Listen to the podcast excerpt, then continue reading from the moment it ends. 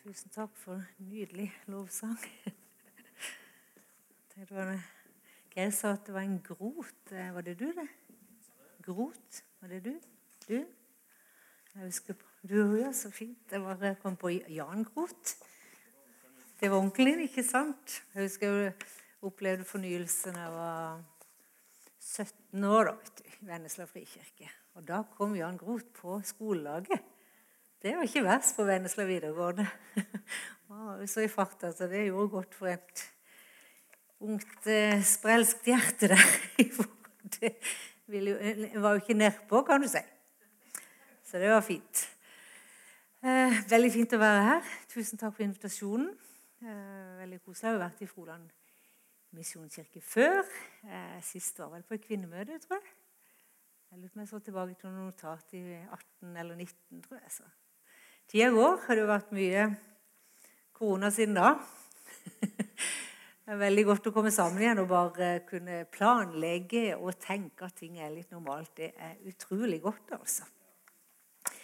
Og det gjør vi. Jeg fikk lov til å annonsere litt på vegne av Kvinner i nettverk. Vi, ha vår, vi har en, Kvinner i nettverk en tverrkirkelig stiftelse som har holdt på i 32 år nå.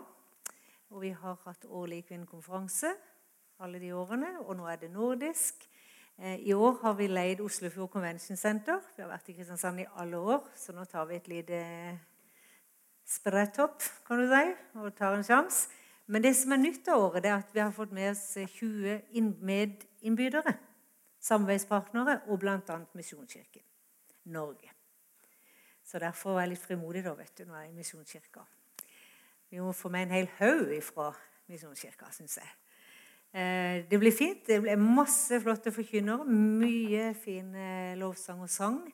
Eh, det er alt fra Irene Krokeide til Anne Kristiansen til folk fra Evangeliesenteret, Hanne Sørmo, det er IMF, det er Oase, det er Ungdom i oppdrag. Det er bare så mange. Åpne dører. mange som er med. Jeg la ned gjennom brosjyre der ute. Så hvis dere har lyst til å ta en busstur herfra, sette opp en buss og ta med dere noen damer og komme, så hadde det vært kjempegøy. Oslofjord Konvensjonssenter, det er jo Sandefjord Stokke, den der, området der. Fantastisk område. Alt på én plass. Du kan sove, spise, være på konferanse på én liten flekk. Så hjertelig velkommen. Og benytte anledningen når man kan. Det er 20. til 23. oktober. Takk. Det var jo vesentlig. Ikke det var neste helg, liksom. Det kunne jo vært det. Ja, det var jo litt interessant med denne her uh, skattkista her. Uh, min hovedtekst i kveld er faktisk denne historien om kvinnen fra Sykers brønn. Og Vi hadde ikke snakka sammen, men det syns jeg var litt oppmuntrende. da, At jeg er på linje med barnearbeiderne i menigheten her. Det er veldig bra. det jeg skal lese um, lese en del av den teksten og snakke litt ut ifra egentlig helt til vers 42. Men jeg skal ikke lese alle de, men jeg begynner fra vers 1. Jesus fikk nå vite hva fariseeren hadde hørt, at han vant flere disipler og døpte flere enn Johannes. Riktignok var det ikke Jesus selv som døpte, men disiplene hans. Da forlot han Judea og dro igjen til Galilea.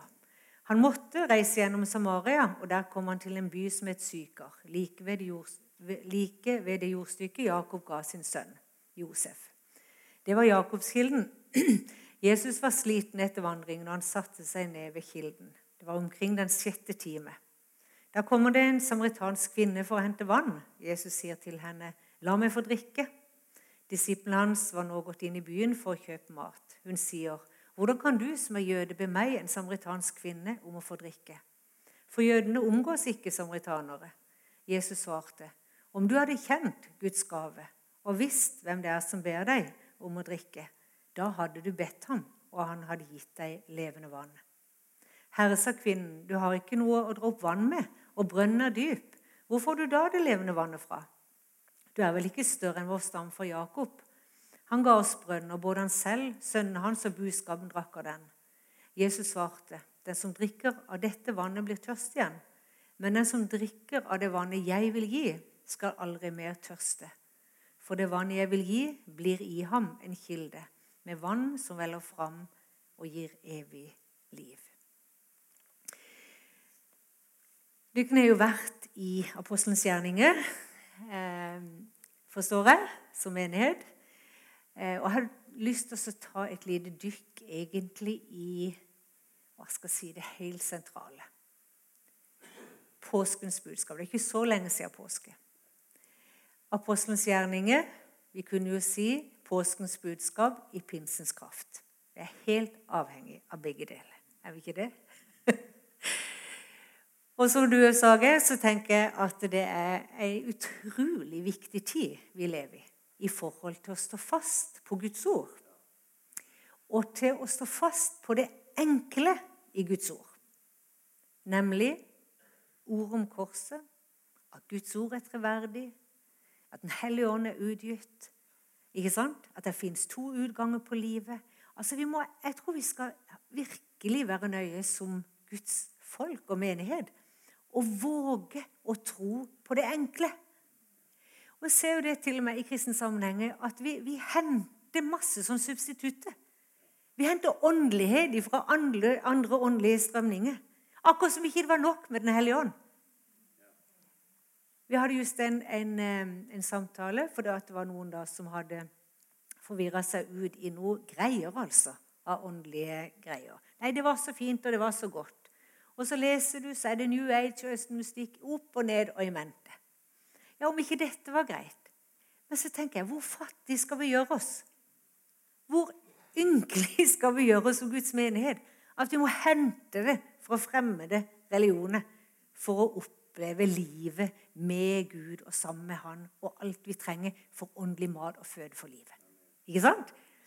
Så jeg tenker Leder av Kvinner i nettverk så har jeg sagt det til, til mine. Så sier vi du, vi skal bare fokusere det helt enkle og satse på at det holder.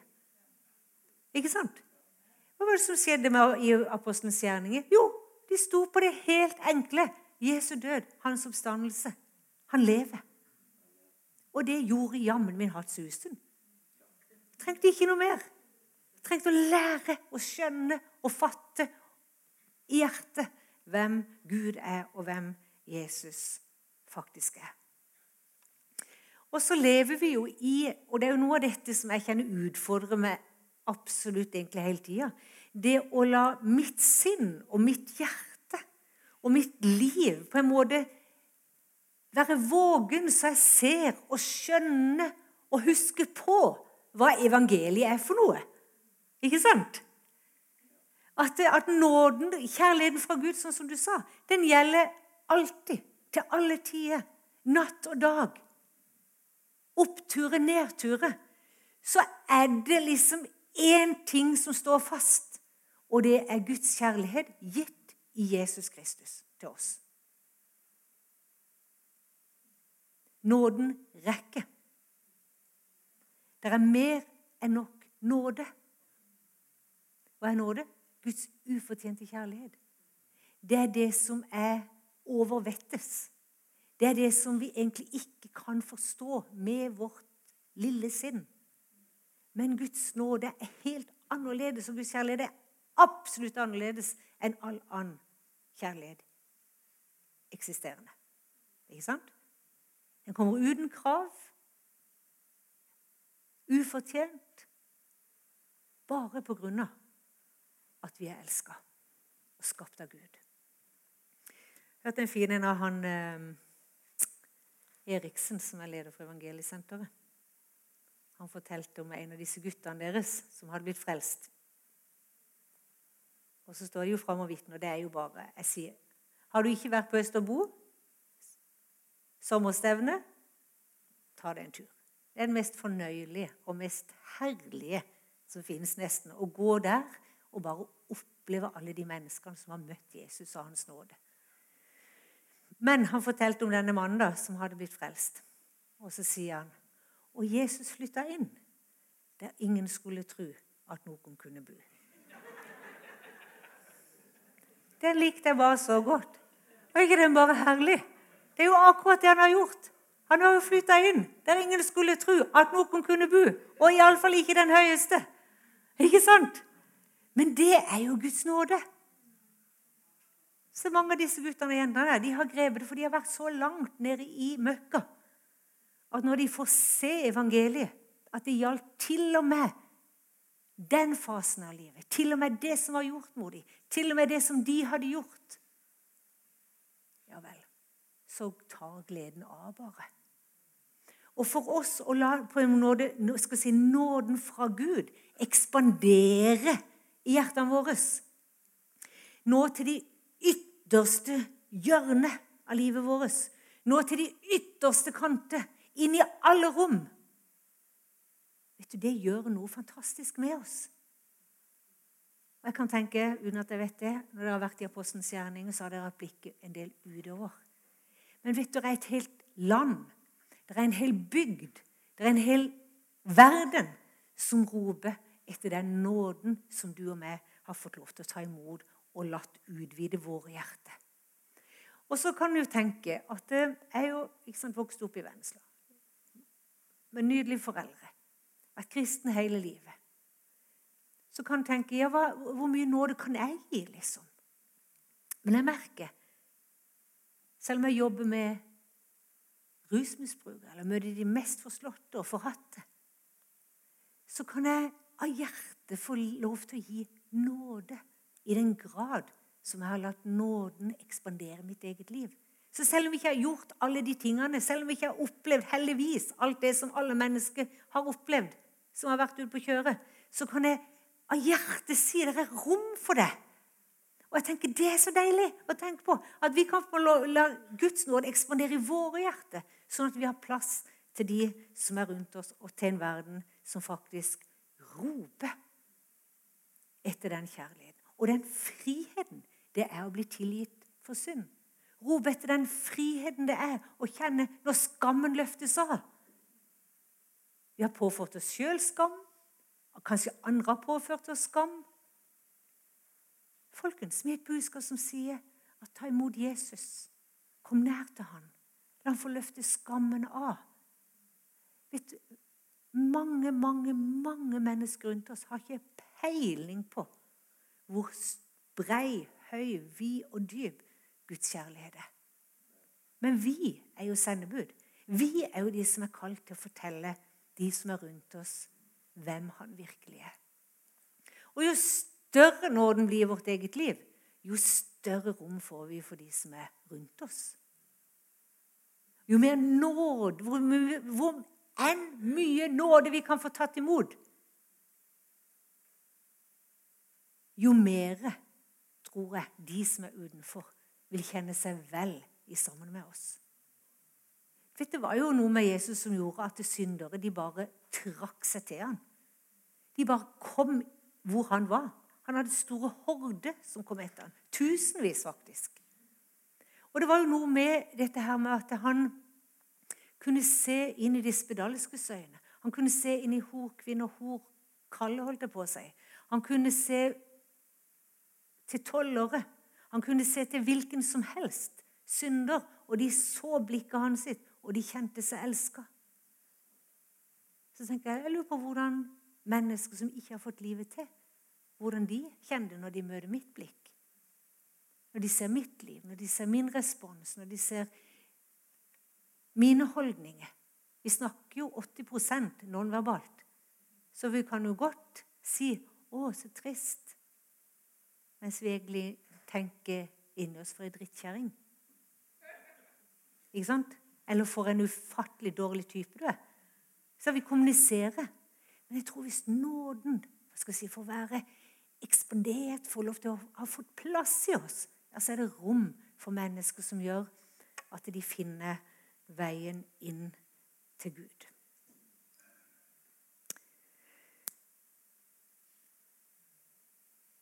Denne kvinna her jeg syns det er en fas veldig fascinerende historie. Og jeg har vært i den mye og lenge, egentlig. Men det var den jeg landa på og skulle si litt rundt. da. Og Det som er interessant her, det står at Jesus han eh, måtte gå gjennom Samaria. Geografisk sett så måtte ikke Jesus gå gjennom Samaria. Han kunne gått en helt annen vei og enklere vei. Så jeg tenkte, Hvorfor står det at han måtte?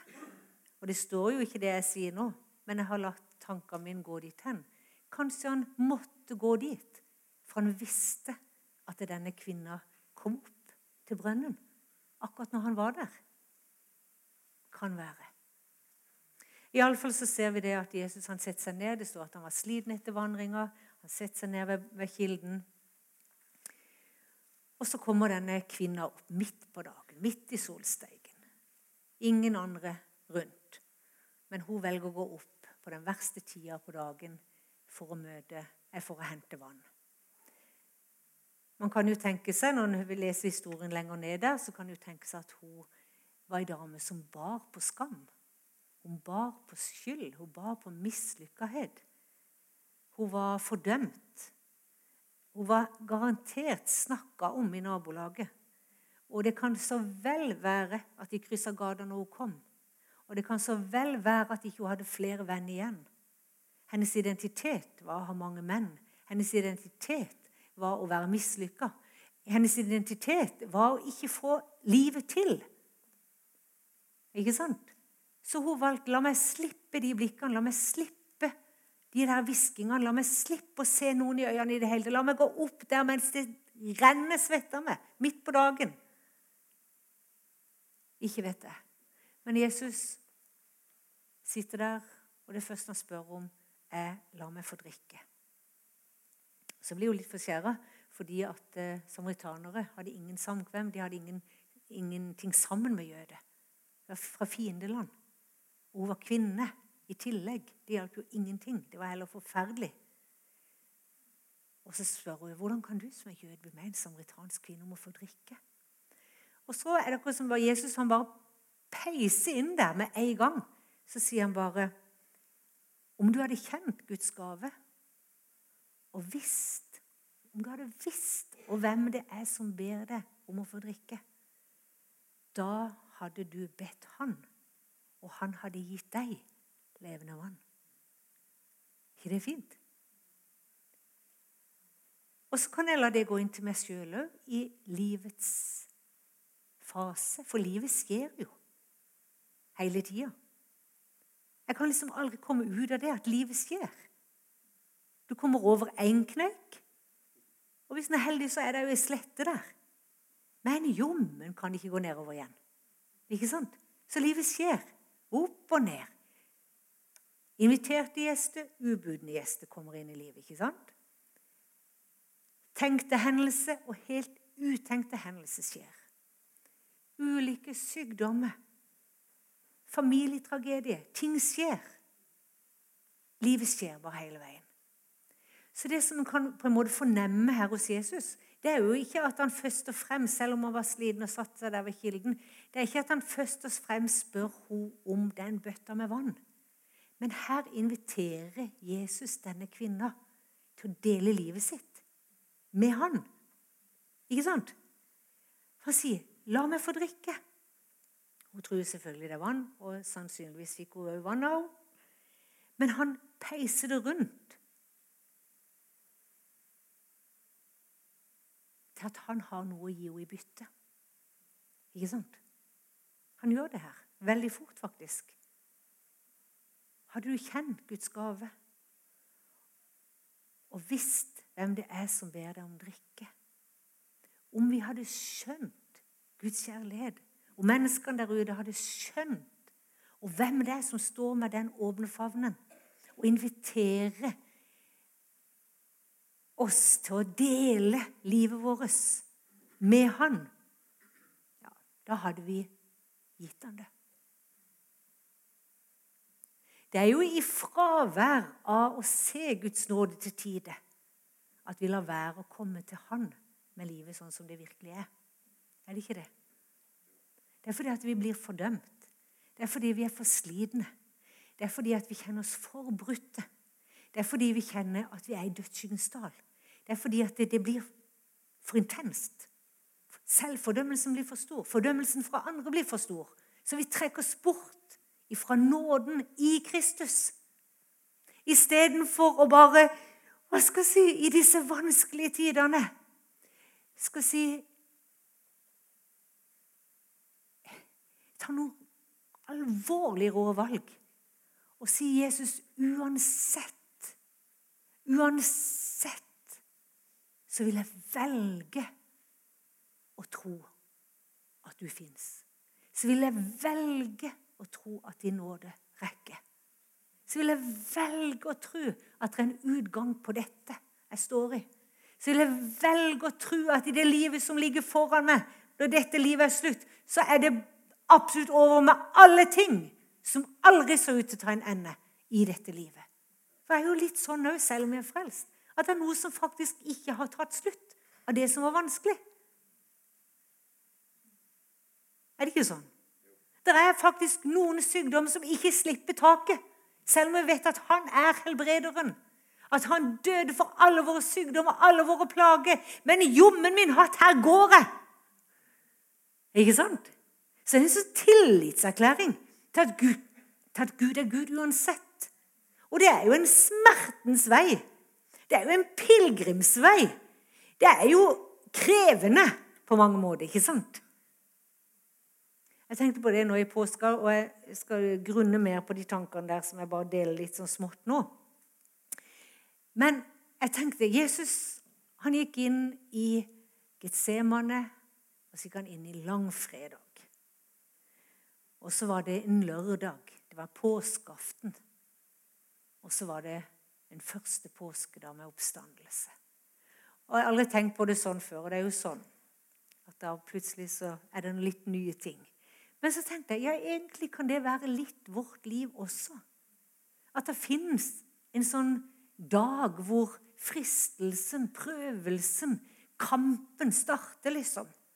Og det kan være en langfredag hvor ting bare skjer. Ulykken er et faktum. faktum. Skilsmissen skjedde. Sykdommen traff. Vi mista en som var kjær. Vi gikk skikkelig på trynet i forhold til å ikke leve sånn som vi ville leve. Det var et faktum. Det er livet mitt. Det er sånn som det er. Det var veldig reelt for Jesus når han ble spigra til det korset. Eller når han var i Getseman og så det begeret han skulle drikke. Hvilke beger var det han så han skulle drikke? Jo, det var jo ditt og mitt liv. Det var jo din og min synd. Det var din og min skam, sykdom, plage. Det vi skulle ha gjort, vi ikke fikk gjort. Det vi gjorde som vi ikke vi skulle ha gjort. Jeg hadde en sterk opplevelse akkurat med det. Og det holdt på å slå meg nesten ut. For det ble veldig personlig. Og jeg følte denne indre stemmen som sa at 'Elin, du var det begeret jeg måtte drikke'. Så dette var voldsomt reelt for Jesus å se mitt og ditt liv i sin helhet. Og vite at det var den straffen, det var det han skulle bære, det var det han skulle kjenne på sin kropp. Det var det han skulle kjenne i alt hva han var.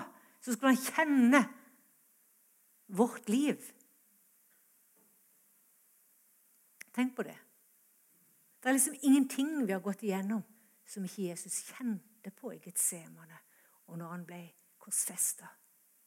Han som ikke visste av synd, han ble gjort til synd. Han tenker. Han som ikke visste. Han som var totalt hellig, feilfri. Han ble gjort til synd. Han så ille tilrett ut fysisk, for han var piska og slått. Var utarma. Men det er ingen av oss som skjønner hva det ville si å bli gjort til synd. Ingen. Men han ble gjort til synd. Og der står vi noen ganger. Vi kjenner på det i livene våre. At det er sånn. Dette er faktum for mitt liv i dag. Og her kommer jo det store valget inn. Her, står, her må vi holde hodet kaldt. Her må vi liksom Hva sier Guds ord? Vi kan noen ganger ikke spørre hva vi føler. Og vi kan noen ganger rett og slett må en virkelig ta hver tanke til fange under lydighet mot Kristus og mot Guds ord, for ikke å gå under. ikke sant? Og henge fast i at ordet er mitt. Guds ord er hans løfte til meg. Det krever noe, ikke sant? Men du vet, vi kan, vi kan bli hengende i vår livs langfredag. Vi kan bli sittende. Vi kan kjøre ut av veien den annen. Vi kan la være å reise oss igjen. Vi kan miste troen, vi kan miste Gud der. ikke sant? Fordi vi gir opp. Fordi vi mister synet av denne fantastiske nåden. Og at det er en som sier 'La meg få lov til å drikke'. La meg få lov til å drikke av livet ditt. La meg få lov til å vise at jeg har vært der før. La meg få lov til å vise at jeg overvant alt det som du går igjennom. Det var ingenting som var glemt, og ingenting som var gjemt. Det var ingenting som ikke han visste om når han ropte ut 'Det er fullbrakt'. Så står det at han for ned i dødsriket. Salme 23. Selv om jeg går i dødsskyggens dal, så frykter jeg ikke for noe ondt, sier David. Din kjepp og din stav, det trøster meg.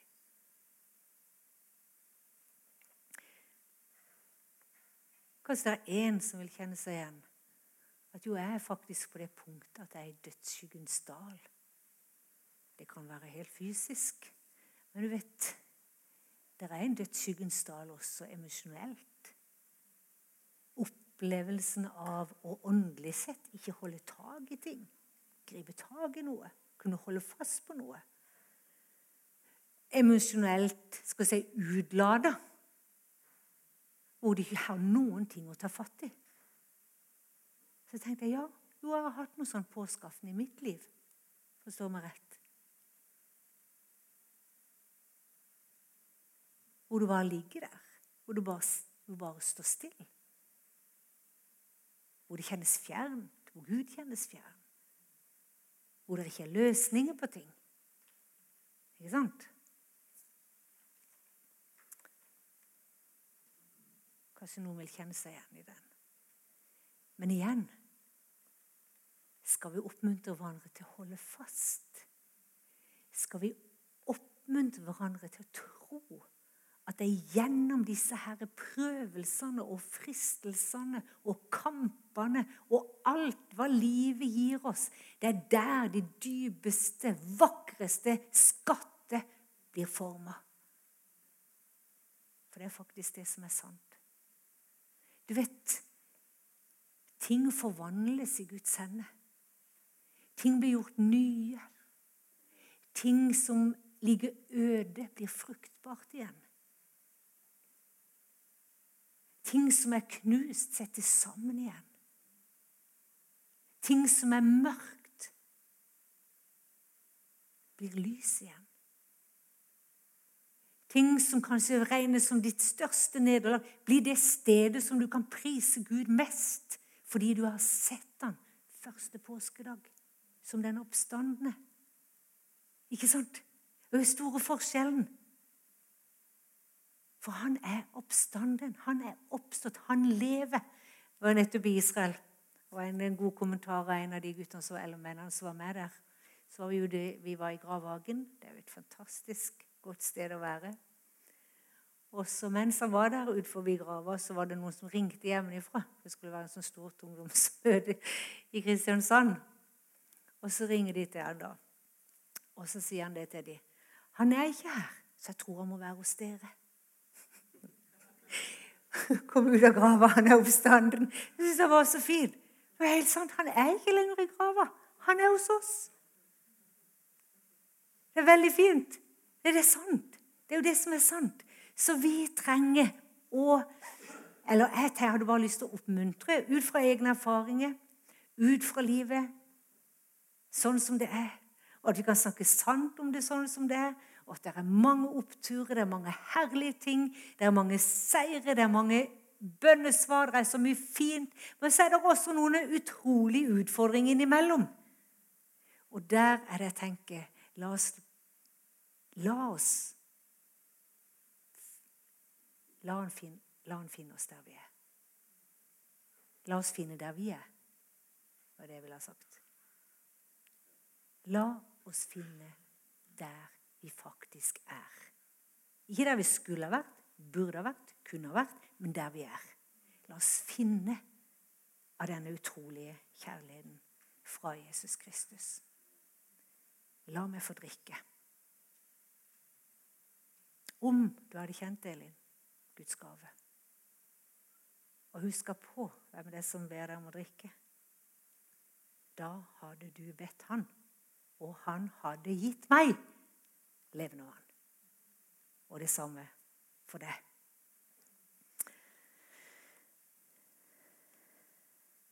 Det er jo fantastisk med denne dama. Hun springer av gårde. Altså, det skulle vært gøy å være der ved brønnen og sett den interaksjonen og sjokket til denne dama og hele opplevelsen av å bli avslørt. Gå og finn mannen din. Jeg har ingen mann. Du snakker sant, sier Jesus. Du har fem menn, og han du holder på med nå, han er ikke din engang. Kan du tenke det? Vi snakker om å få det svart på hvitt. Ikke bare sa at ikke hadde noen mann, men her kommer jo hele rekka. Og så Det er bare det som står skrevet. for Hun sier litt lenger ned der Jeg har møtt hva hun sier. Kom og se en mann som har fortalt meg alt det jeg har gjort. Må hun tro hva Jesus fortalte henne. Men det høres ut som han remsa opp litt. Men allikevel så kjente hun seg elska. Hun sa bare dere blir nødt til å komme og se denne mannen som har fortalt meg alt liv, livet mitt har dreid seg om. Alt jeg har gjort. Så både å være sett og elska på samme tid, det er sann nåde. Ikke sant? Det er jo nåde. At Gud fyller tomrommet mellom oss og Han. Det er jo nåden. Det er jo broa. Nåden fra Gud.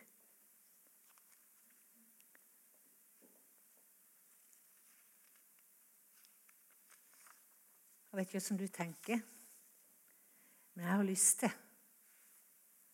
å på en måte ta imot denne fantastiske invitasjonen til å drikke av det livet og det som Jesus har å gi. Han sier den som drikker av dette vannet, sier han til denne kvinnen, blir tørst igjen. Men den som drikker av det vannet, av det livet, av den kjærligheten, av den nåden, av den tilgivelsen, av den freden, av den trøsten, av den kjærligheten Den som drikker av det som jeg vil gi han, skal aldri mer tørste. For det vannet som jeg vil gi Den hellige ånd, halleluja, altså, den blir i ham en kilde med vann som veller fram og gir evig liv. Denne kvinnen hadde sitt for å bruke den metaforen, sitt Getsemane, sin, sin langfredag, hvor livet bare gikk i stykker for henne. Fristelsen tok overhånd. Ulykken skjedde. Én mann, to menn, fem menn. Så holdt hun på med en og en. Hun var helt utslitt, sikkert. Utarma av et liv i synd. Ikke sant? Men hun møtte den oppstandende som hadde kjærlighet i blikket, og som visste å møte henne akkurat der som hun var. Det er et godt bytte når Jesus sier 'Du er det begeret jeg måtte drikke'. Og så sier han til oss at 'jeg er det begeret'. Jeg er den kilden som dere kan få drikke av. Bedre bytte blir det jo faktisk ikke. Og Guds nåde er jo for de som ikke nådde det. Guds nåde er for de som ikke fikk det til.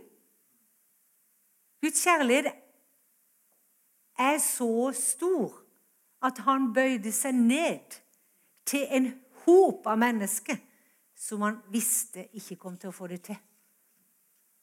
Og så kom han med selve løsningen. Og på en måte så kan jeg av og til skjemmes over at ikke jeg bare går og danser hele dagen. Ikke sant? Det blir ikke noe splitter på meg, altså. Jeg er blitt for tung nå. Men, eh, men en burde jo både danse og hoppe og sprette og juble av glede over den kjærligheten som faktisk er hver dag tilgjengelig for oss. Og så lager de dette rommet. Så lager de disse skattene. Kan du tenke deg så fint om vi kunne ta imot Guds nåde så inderlig og så sterkt? At ethvert forsøk fra fiendens side om å bøye oss ned Ethvert forsøk fra fiendens side om å kaste oss i veggen av fordømmelse Enhver forsøk fra fiendens side at når livet ikke går akkurat sånn som var planlagt, så betyr det at vi er utestengt og ikke elsker Gud. Hvis vi bare kunne vri det rundt og si jeg løper til korset, jeg løper til Han for å vinne det som er sant, for å vinne hans liv. Gud er Gud om alle land og øde. Gud er Gud om alle mann var døde. Gud er Gud uansett og det, det, det snakkes om eh, f.eks. Eh, på universitetet at det er en utrolig nedgang på ungdommens og unge voksnes skal si, bærekraft og tåleevne. Men jeg tror at eh, vi skal også klare å øve noen åndelige muskler til å øve oss på å tåle det som livet faktisk gir, og kjenne at det gir en dybde og en høyde og en lengde i forhold til å forstå Guds kjærlighet, som bare skapes der når vi snur vårt blikk og løfter vårt blikk opp til Han når livet går skeis, eller når det går veier som ikke vi hadde tenkt.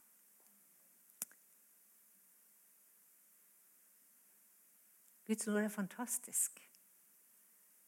Få lov til å kjenne denne kraften, kjenne dette livet som pumper, tilgivelsen som flyter og hjelpe hverandre til å holde fast hva skal jeg si, i det helt enkle evangeliet, som faktisk var det som for 2000 år siden trakk hopetall av mennesker inn til Jesus. Og så formidla de dette livet fra han i ånd og kraft og styrke. Som ikke kommer fra oss sjøl, men som kommer fra han som har elska oss.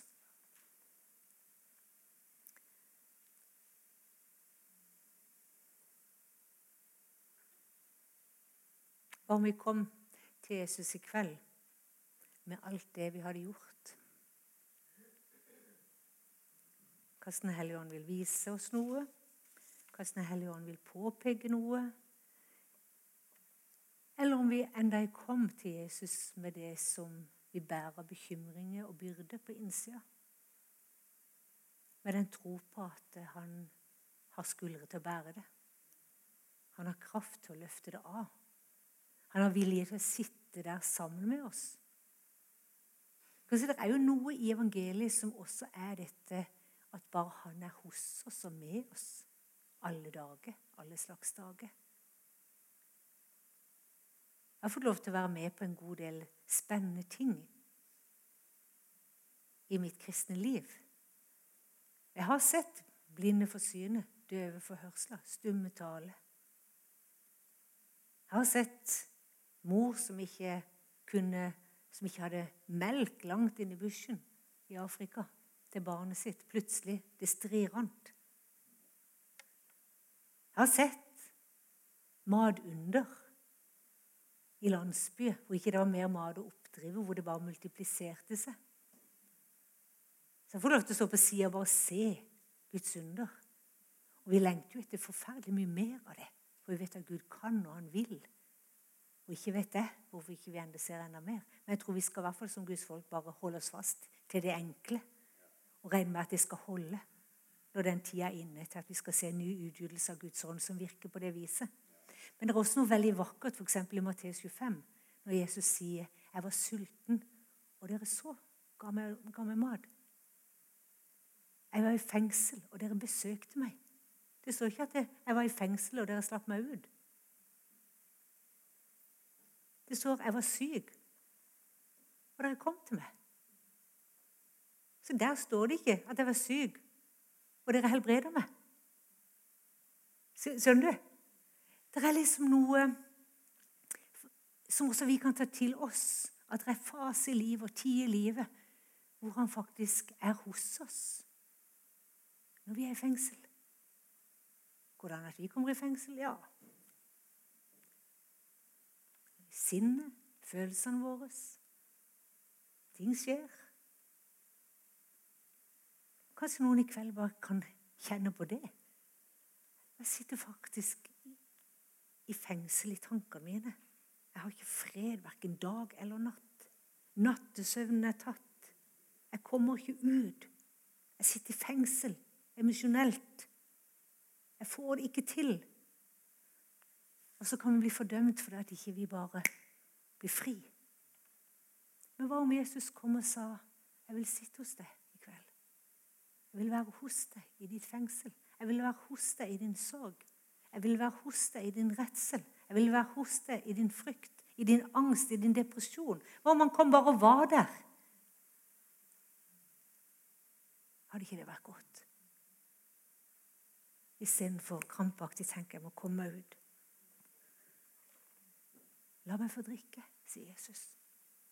La meg få drikke. Det er jo egentlig kun ved korset og det Jesus har gjort for oss, at vi finner sann hvile.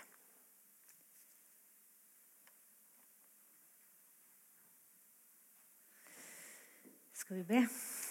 Far i himmelen, takk for din godhet. Takk for at du sendte Jesus. Takk for at vi får lov til å være dine barn. Takk, Herre Jesus, at du har sagt og sett for at vi skal vite at vi er dine barn. Så bare ber om at du må virke ved din ånd og i våre hjerter i kveld, Herre Jesus, på en sånn måte at vi, vi kjenner at du er hos oss både i gode og onde dager. At du er hos oss når livet går lett, og når livet er skikkelig bakketungt, Jesus. Bare ber om at eh, vi skal få lov til å kjenne alle sammen at du finner oss der vi er, og at vi får lov til å komme til deg sånn som vi er, Jesus. Og at det der fins en oppstandelse, uansett for hvilket stadium vi er på. Et stadium å være frista til å gå inn i noe, Jesus, eller at vi står midt i starten på noen kraftig prøvelse. Eller om vi er på et stadium der ting bare har skjedd, og ting ulykkene har hendt Jesus. Eller om vi er på det punktet at vi ikke ser noen utveier så ber jeg, Herre Jesus, at vi alle sammen skal få se at det er en oppstanden. At du er oppstått. Du er ikke lenger i grava. Du er her hos oss i kveld, og du er her hos oss når vi går hjem, Jesus. Be om det, at din oppstandelseskraft skal få virke i oss og rundt oss og over oss i kveld, Jesus. Bare kom, Hellige Ånd. Vi ber. Vi ber, Herre. Takk at du er virkekraftig. Du er, du er, du er den evige. Så vi bare sier 'hjelp oss, Herre'. Hjelp oss, Hellige Ånd. Kom oss i møte. Ikke ved makt og ikke ved vår kraft, Herre, men ved din gode Hellige Ånd.